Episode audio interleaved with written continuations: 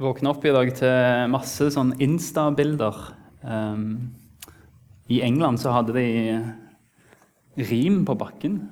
Og så sto det liksom 'It's a frosty day'. Og så så jeg noen fra Oslo som hadde lagt ut uh, bilder med rim på bakken. Så det liksom, ja, I dag er det rim.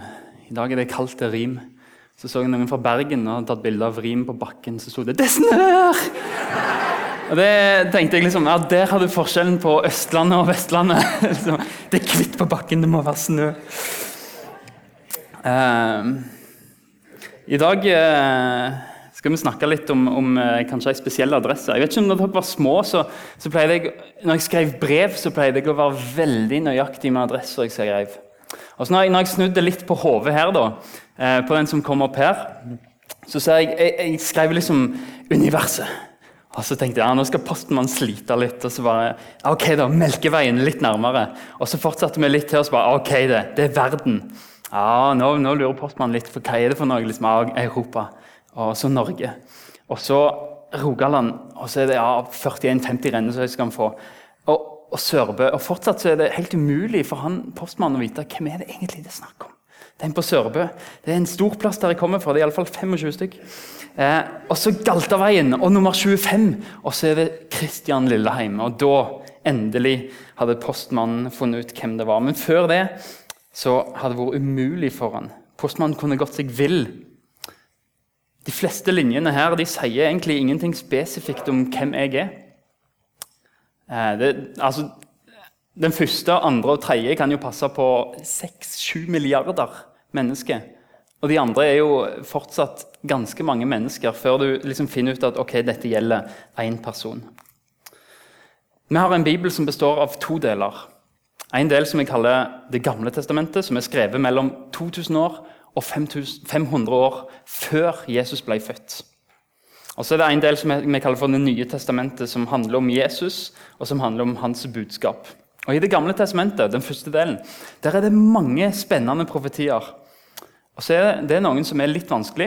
Det er ganske mye i Det gamle testamentet som er vanskelig å forstå. og Hvis vi skulle lest hele sånn kronologisk, så hadde det gått an å bli ganske forvirra. Iallfall blir jeg det av og til.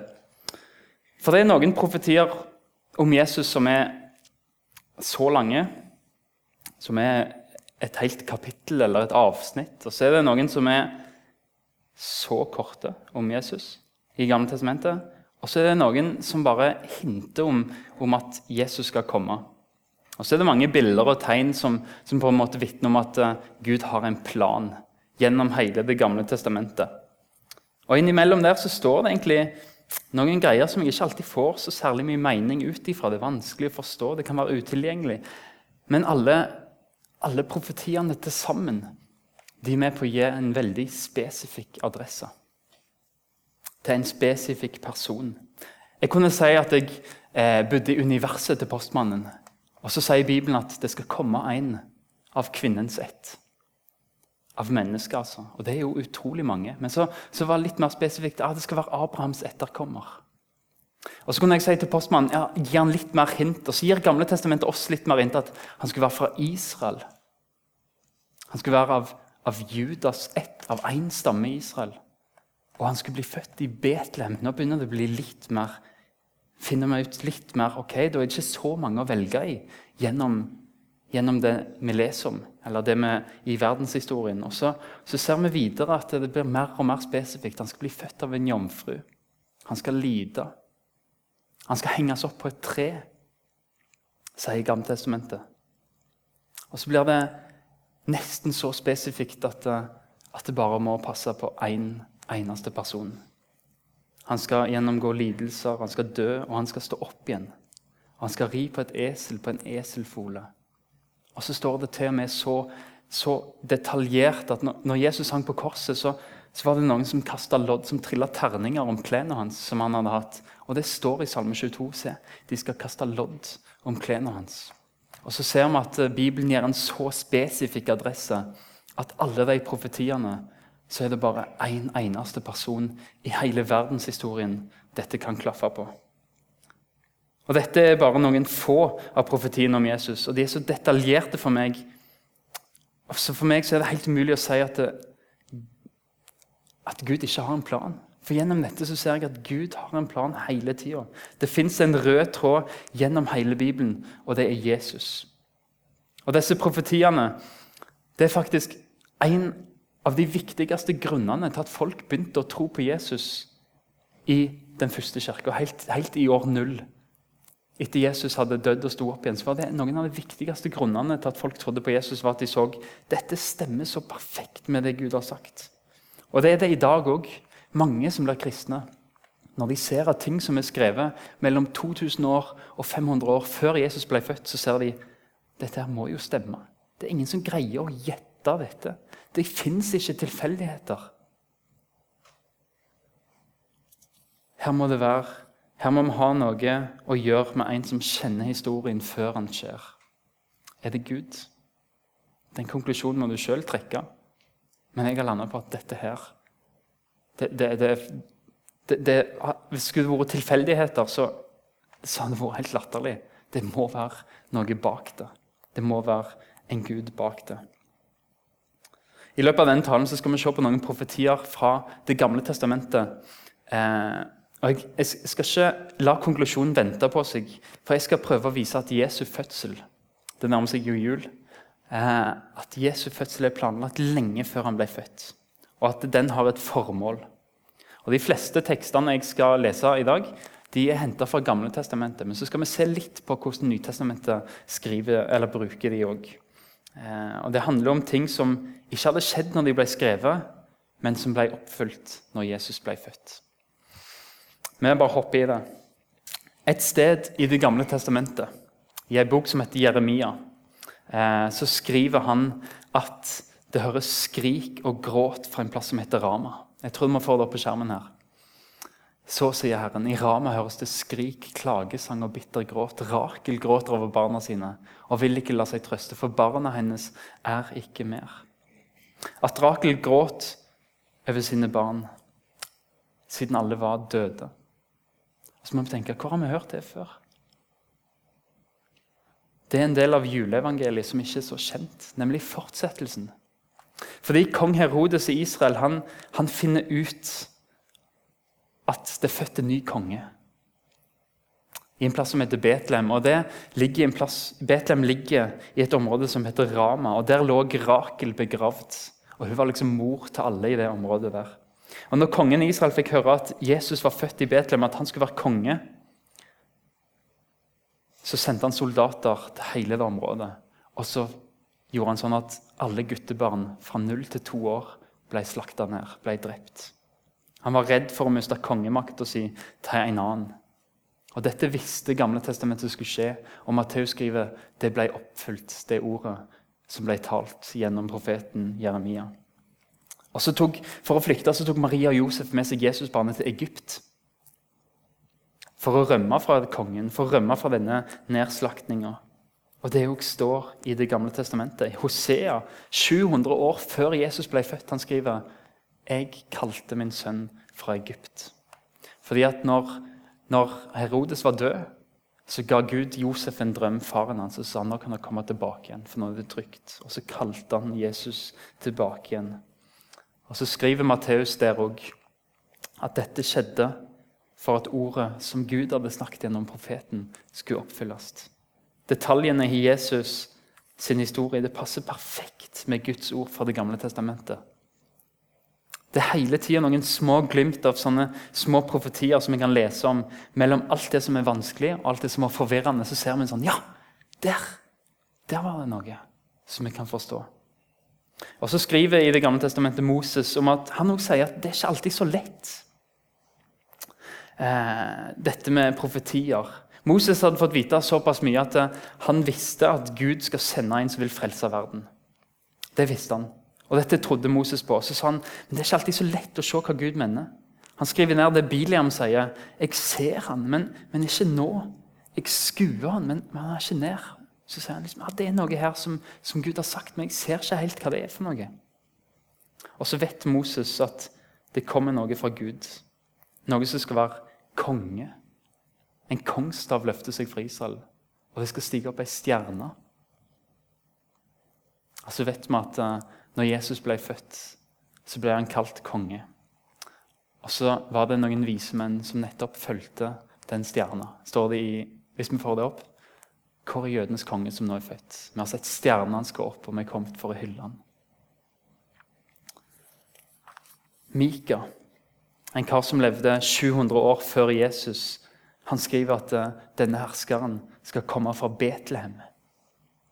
Ringer det ei bjelle når vi tenker jul og Betlehem? 700 år før Jesus ble født, så skriver Mika et barn er født i Betlehem. Han skrev ikke sangen, men han skrev det i Bibelen. Og så ser vi at når Jesus ble født, så kaller kongen alle overprestene sammen og spør de, hvor skal vi bli, Messias bli født. Og Så sier de i Betlehem i Judea. Og så sender de vise menn dit. Og så ser de at det er sant. Det er i Betlehem. Det som ble sagt 700 år før, det stemmer. Og Så fortsetter Mika, og han skal være fred. Ser dere siste linja i Mika-teksten? Han skal gi fred. Og det gjorde Jesus. Når han døde på korset, så ga han mennesker fred med Gud. Da hadde ikke Gud lenger noe å straffe, fordi Jesus hadde tatt straffen for oss og gitt oss fred med Gud. Det er derfor vi har kalt det ikke en rød tråd gjennom Bibelen, men en blodrød tråd. Fordi Jesu lidelse og Jesu død det var hele tida Guds plan for å berge deg. Et barn som vokser opp, som er feilfri, og som tar og sier alle som tror på meg, de vil jeg dø for. Jeg vil ta straffa deres. Mitt blod skal renne, sånn at de skal gå fri. Jesaja 7,14 er også et tegn. Herren skal gi dere et tegn, sier han. Dette er også lenge, mange hundre år før Jesus ble født. Så sier han, se, denne unge jenta skal bli med barn og føde en sønn, og hun skal gi ham navnet Immanuel. Gud med dere betyr Immanuel. Det skal være et tegn fra Gud. Og så vet vi at den unge jenta fikk et barn, og så var det tegnet. Og Helt siden mennesker synda mot Gud i Edens hage, helt siden Adam og Eva brøyt Guds, Guds bud og spiste frukter på treet, så måtte Gud kaste dem ut fra paradis, ut fra Edens hage. Fordi det som var urettferdig, og det som var synd, det som var galt, det kunne ikke Jesus ha i paradis. Fordi da hadde det ikke lenger vært paradis. Fordi da hadde det blitt smitta av noe ureint. Og Sånn er det i dag òg. Sånn er det ennå. Vi kommer ikke inn i himmelen sånn som vi er. Fordi hvis vi hadde kommet inn i himmelen sånn som vi var, med våre feil og mangler, så hadde det ikke lenger vært en himmel. Fordi den hadde vært smitta av oss, av vår urenhet. Og lenge før det Lenge før det så hadde Gud en plan om hvordan skal jeg berge dette igjen. Hvordan skal jeg få mennesker inn i himmelen igjen. Tegnet var at Gud starta med å følge denne planen med at ei ung jente skulle bli med barn og få en sønn. Alt dette skjedde for at ordet skulle oppfylles sånn som Herren hadde talt gjennom profeten. Guds frelse starter med at ett menneske, Jesus, blir født. Og Så gir ikke Jesaja seg bare med å fortelle om barnet som er født. Han forteller at Jesus, Guds planlagte frelse, han skal være en underfull rådgiver. Han skal være veldig Gud, han skal være evig far og fredsfyrste. Og Det er ikke så veldig lite Jesus har å leve opp til. Men Jesus oppfyller alle disse titlene. Han er en fantastisk rådgiver. Han er en vanvittig stor Gud som kan gjøre utrolig mektige ting. Og helbredelser og under. Og han er evig far som har så vanvittig omsorg for oss. Og så er han fredsfyrste som kan gi oss en fred som overgår all forstand, som varer inn i evigheten. Jesus oppfyller alle disse titlene. Han er oppfyllelsen av den frelsesplanen som Gud hadde helt fra begynnelsen av. Og Så treffer Jesaja blink også et annet sted. Han sier at han som kommer, skal forkynne et godt budskap for de hjelpeløse. Han skal rope ut et nådens år fra Herren. Det er et friårets år, et frihetens år. Et, et år der all gjeld ble sletta, alle slaver ble satt fri. Og et sånt år er det han skal komme med, han som Gud sender. Og Så sier Jesus sjøl om denne teksten. Han leser den i synagogen, og så sier han dette det er meg. Jeg kommer med frihet. Jeg skal sette dere fri fra all gjeld. Det er meg. Jeg er han som starter dette nådens år. Jeg setter fri slaver og sletter gjeld. Det gjorde han på korset. Så ser vi at Jesaja, ca. 700 år før Jesus ble født, 700 år, så får han fortelle om at det kommer en fra Gud som er frelse. En som skal slette ut alt gjeld, en som skal frelse. 700 år seinere sier Jesus, 'Det er meg. Jeg er han som skal frelse. Jeg skal sette deg fri fra all gjeld, fra all skyld. Det du er slave under, det skal jeg sette deg fri fra.' Og så står jeg her 2700 år etter Jesaja så sier jeg, 'Det er Jesus.' Han har gjort det i mitt liv, og han kan få gjøre det i ditt liv. Han setter fri, og han kan gi evig liv. Og så vitner hele Bibelen om dette. Og så vitner hele Jesu liv om dette. Og så vitner hele kirkehistorien. Milliarder av kristne som kan vitne om at det er Jesus som setter fri. Han er syndenes forlatelse. Det er han som gjør deg fri fra synd, han som kan gi deg evig liv. Så, sier, så peker Jesaja sier det er den beste gaven Gud kan gi deg, er Jesus.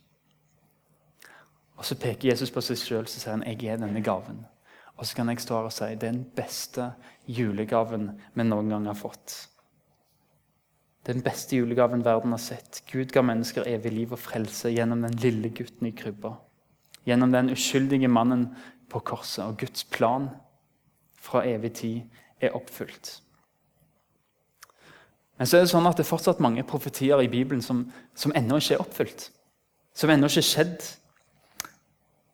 Han skulle ikke bare bli født, han skulle ikke bare ri på et esel, han skulle ikke bli født i Betlehem og bli hylla som en konge.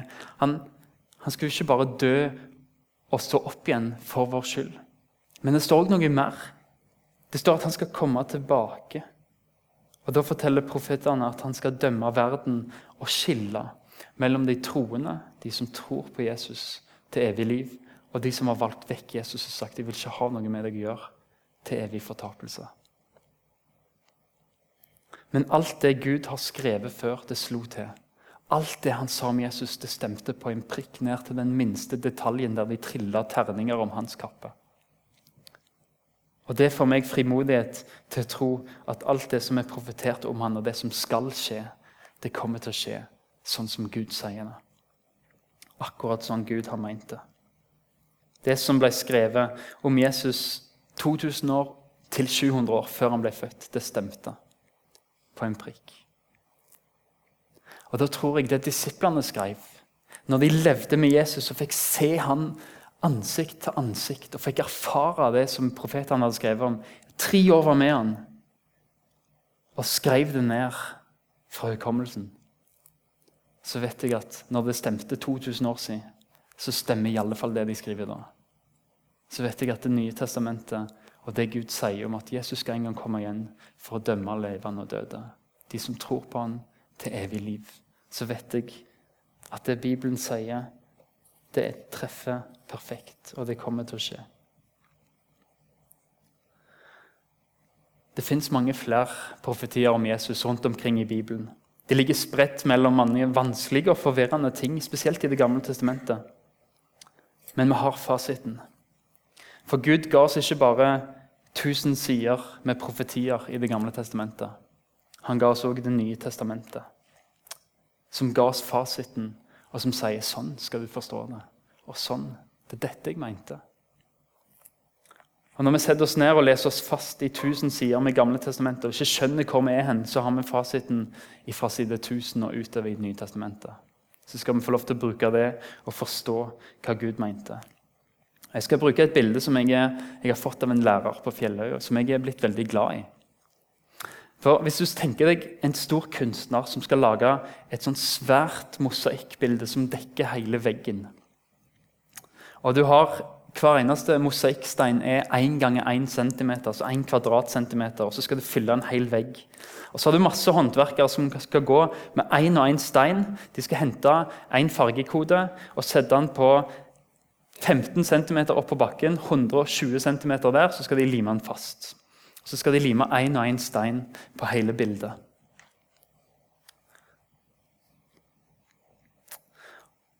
Og Så går disse håndverkerne fram og tilbake i ukevis. De limer på plass én og én centimeter. Én og én bit. Det er ingen som begriper hva det skal være, for de ser, de ser det ikke helt ennå.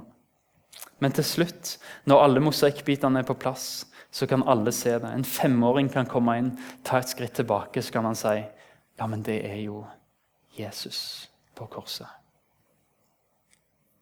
Gamle testamentet med tusen sider av profetier og mye annet. Det er Guds håndverkere som hele tida viser oss, går og setter ting på plass. Han skal være sånn. Han skal være sånn.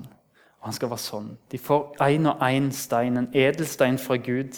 Og så går profetene lydig i Guds ærend, og så sier de sånn har Gud sagt. Sånn og sånn. Der skal den biten være. Der skal den biten være.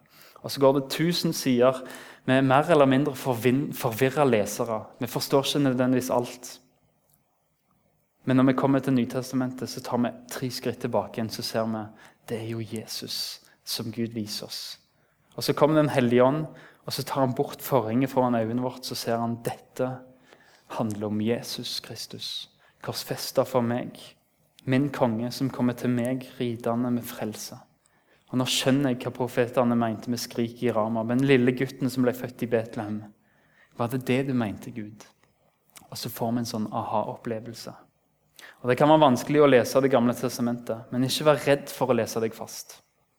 Bare tør å lese deg fast, for jeg tror Gud vil gi oss disse edelsteinene til å fullføre det store bildet, så vi kan se hvem Jesus er, og hva han har gjort. Og så skal vi være kjempeglade for at Gud har gitt oss et Nytestamentet som viser oss fasiten hvor alt dette står.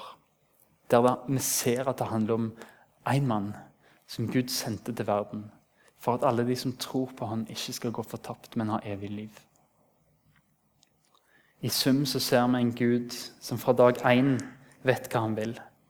Og som henter inn lydige håndverkere, som henter inn lydige profeter og prester og konger, som vandrer på våre vegne, og så setter de brikkene på plass sånn at vi får se det store bildet av Jesus. Dø for våre synder, reist opp for at vi skal få hatt håp om et evig liv.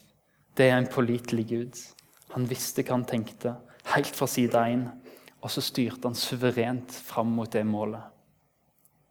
Frelse for deg. Den julegaven han gjorde klart helt fra starten av. Den største julegaven, den best forberedte julegaven med mest omtanke, den julegaven som vi mest trenger av alt. Den eneste julegaven som kan gi evig liv, som er Jesus.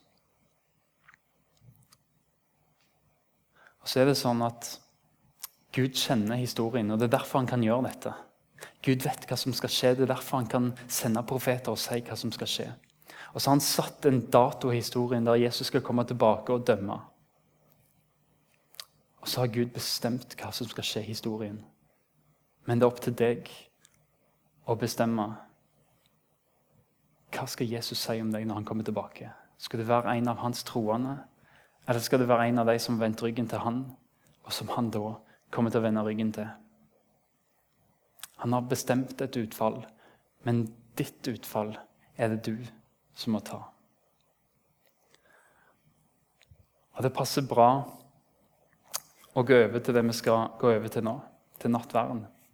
Fordi det er en blodrød tråd. En som kom for å utøse sitt blod, for at vi skal slippe det. Og så kan en respons på denne talen være at du kommer fram med ei tom hånd og tar imot Jesu legeme som han ga for dine synder. Jesu blod som han utøste for dine synder. Og Så kan du få ta imot det i tro og få ta det til deg. Hans død for deg.